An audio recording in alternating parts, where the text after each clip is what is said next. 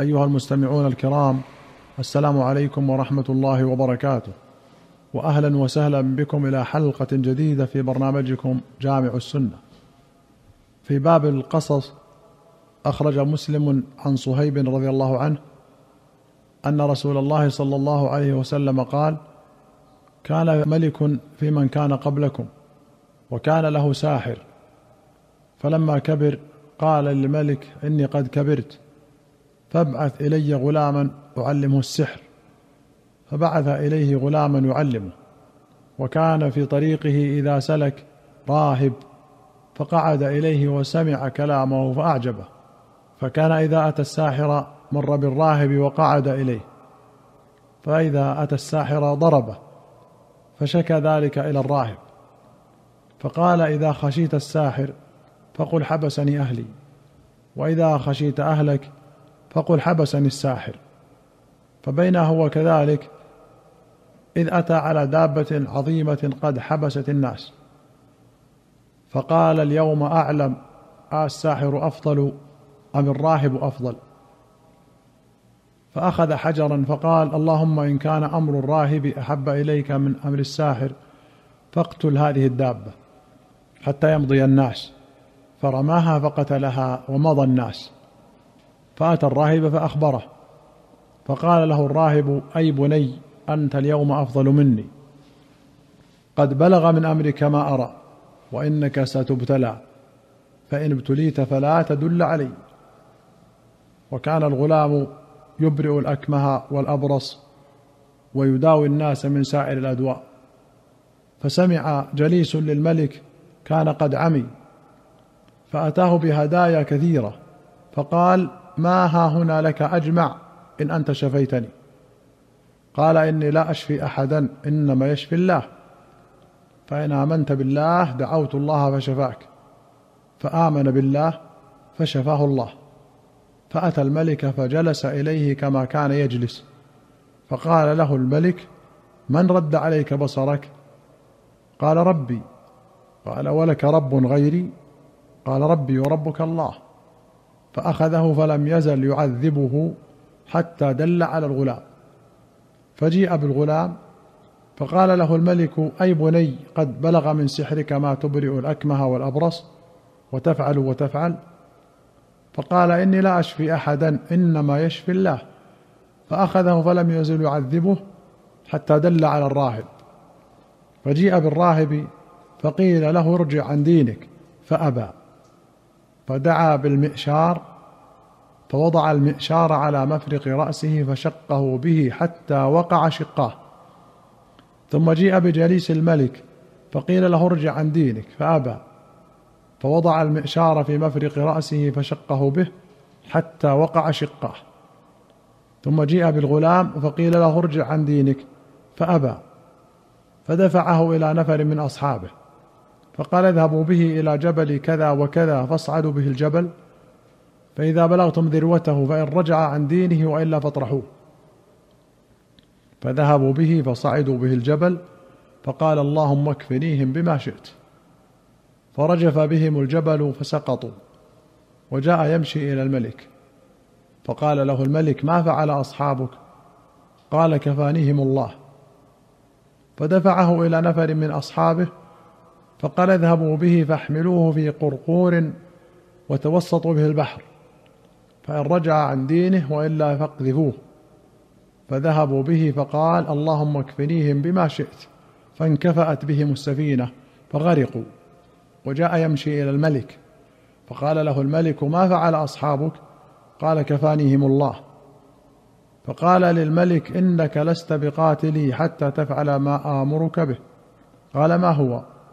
قال تجمع الناس في صعيد واحد وتصلبني على جذع ثم خذ سهما من كنانتي ثم ضع السهم في كبد القوس ثم قل بسم الله رب الغلام. ثم ارمني فإنك إذا فعلت ذلك قتلتني. فجمع الناس في صعيد واحد وصلبه على جذع وأخذ سهما من كنانته ثم وضع السهم في كبد القوس ثم قال بسم الله رب الغلام.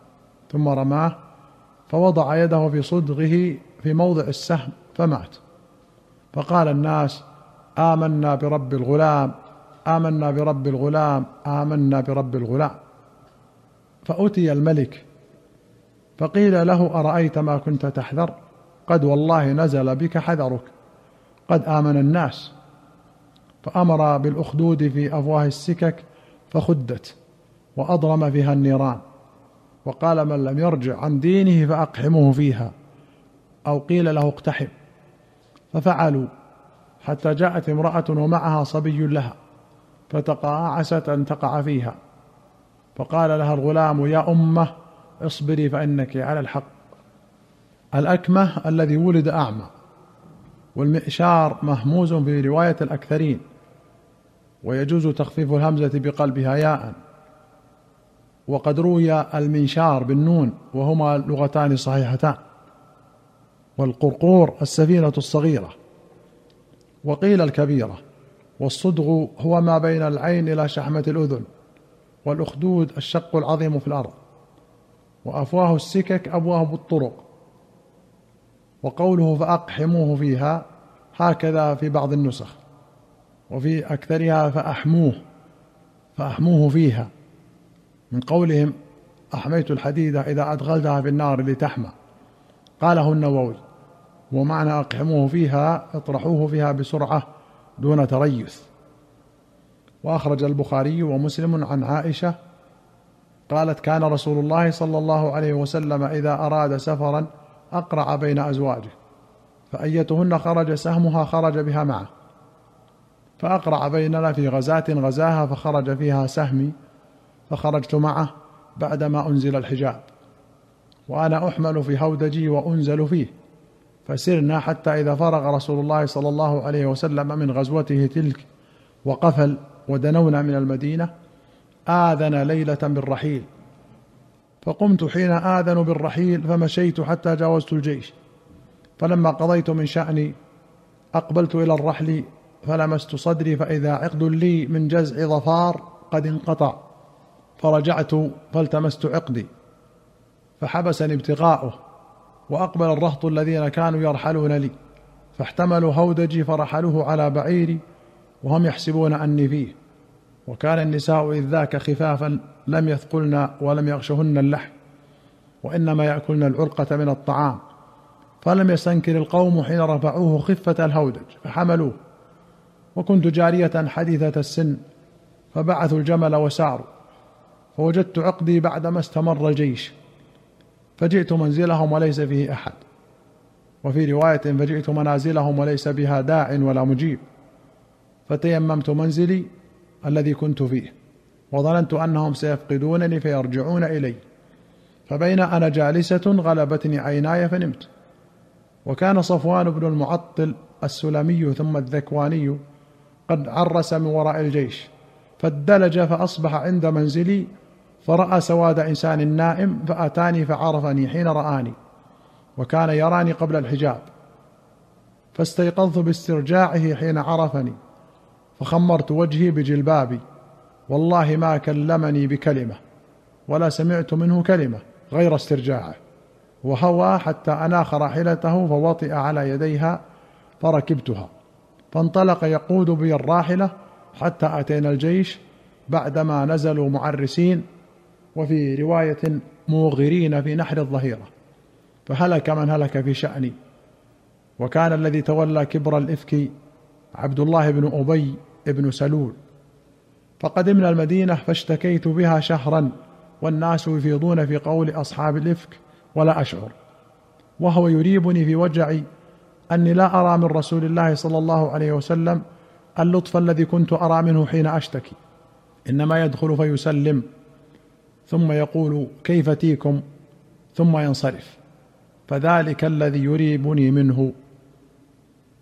أيها المستمعون الكرام إلى هنا نأتي إلى نهاية هذه الحلقة. وقد بقيت من حديث عائشة بقية نأتي عليها في حلقتنا القادمة إن شاء الله. حتى نلقاكم نستودعكم الله. والسلام عليكم ورحمة الله وبركاته.